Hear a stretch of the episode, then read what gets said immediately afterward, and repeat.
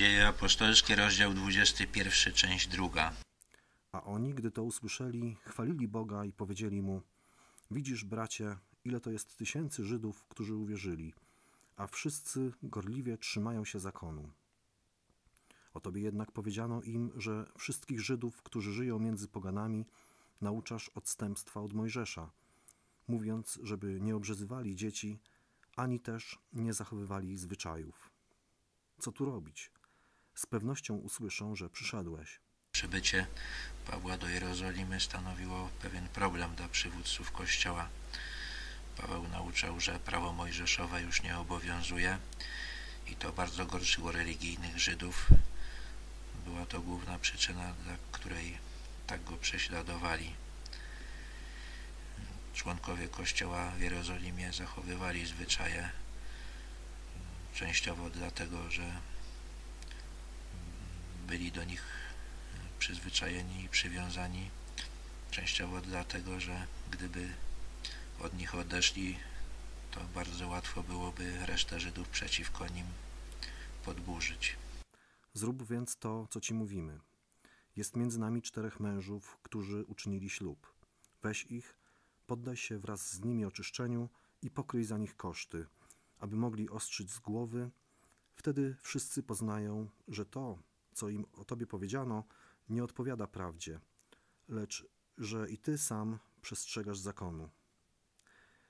Co się zaś tyczy pogan, którzy uwierzyli, wysłaliśmy na piśmie nasze zalecenie, aby się wystrzegali rzeczy ofiarowanych bałwanom i krwi, i tego, co zadławione, i nierządu. Żydzi mieli zwyczaj e, poświęcania się na pewien czas w szczególny sposób Bogu. Był to tak zwany nazireat. Przez czas trwania takiej służby e, nie pili wina, nie strzygli głów i e, wystrzegali się wszystkiego, co było rytualnie nieczyste. Jeżeli zdarzyło się, że zanieczyścili się w jakiś sposób, to siódmego dnia od tego momentu strzygli głowy, składali ofiary za swoje zaniedbania i rozpoczynali e, służbę naziratu od początku. Takie oczyszczenie kosztowało i starsi kościoła w Jerozolimie zalecili Pawłowi, żeby zademonstrował swoje przywiązanie do zwyczajów przodków przez to, że pokryje koszty takiego oczyszczenia. Przypomnieli też, że od pogan nie wymagali nigdy przestrzegania prawa mojżeszowego, tylko wysłali im te zalecenia, które podczas obrad w Jerozolimie ustalono, także doktrynalnych różnic między nimi a Pawłem nie ma. Wówczas Paweł, wziąwszy owych mężów, poddał się wraz z nimi oczyszczeniu następnego dnia i wszedł do świątyni, zgłaszając zakończenie dni oczyszczenia i czas złożenia ofiary za każdego z nich. A gdy te siedem dni miały się ku końcowi, ujrzeli go w świątyni Żydzi z Azji, podburzyli cały tłum i rzucili się na niego, krzycząc: Mężowie izraelscy, pomóżcie!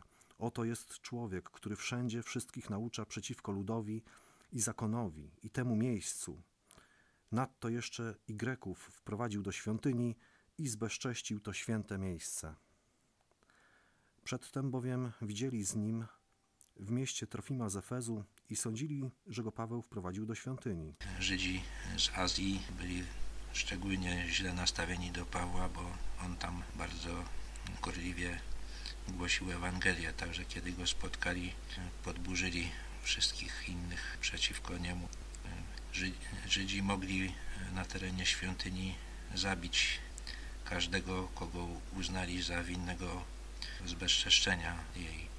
Rzymianie na to pozwalali.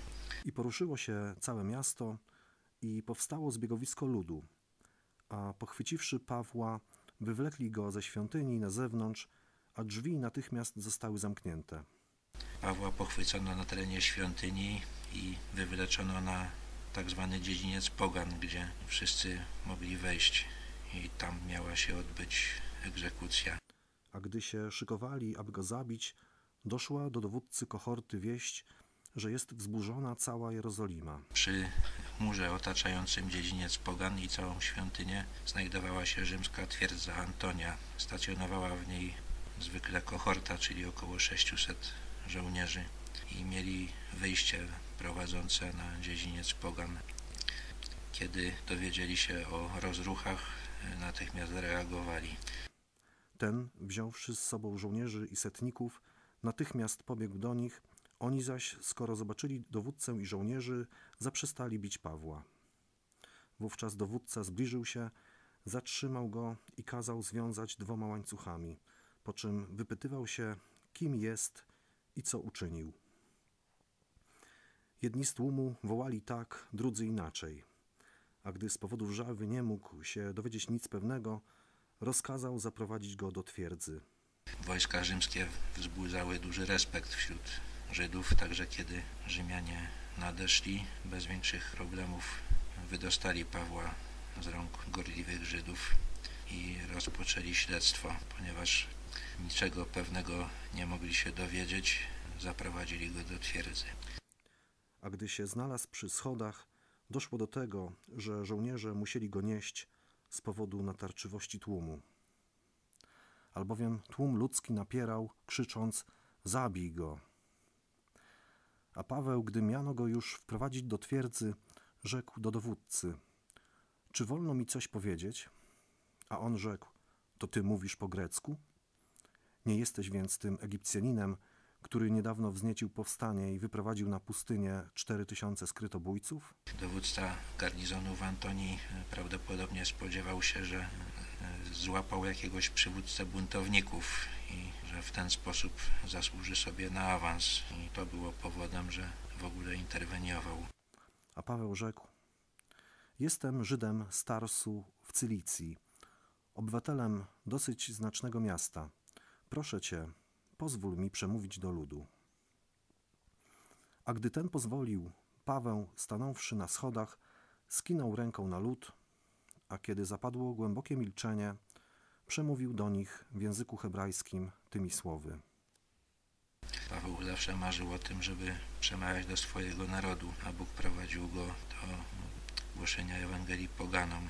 Teraz miał okazję przemówić do rodaków i wykorzystał ją.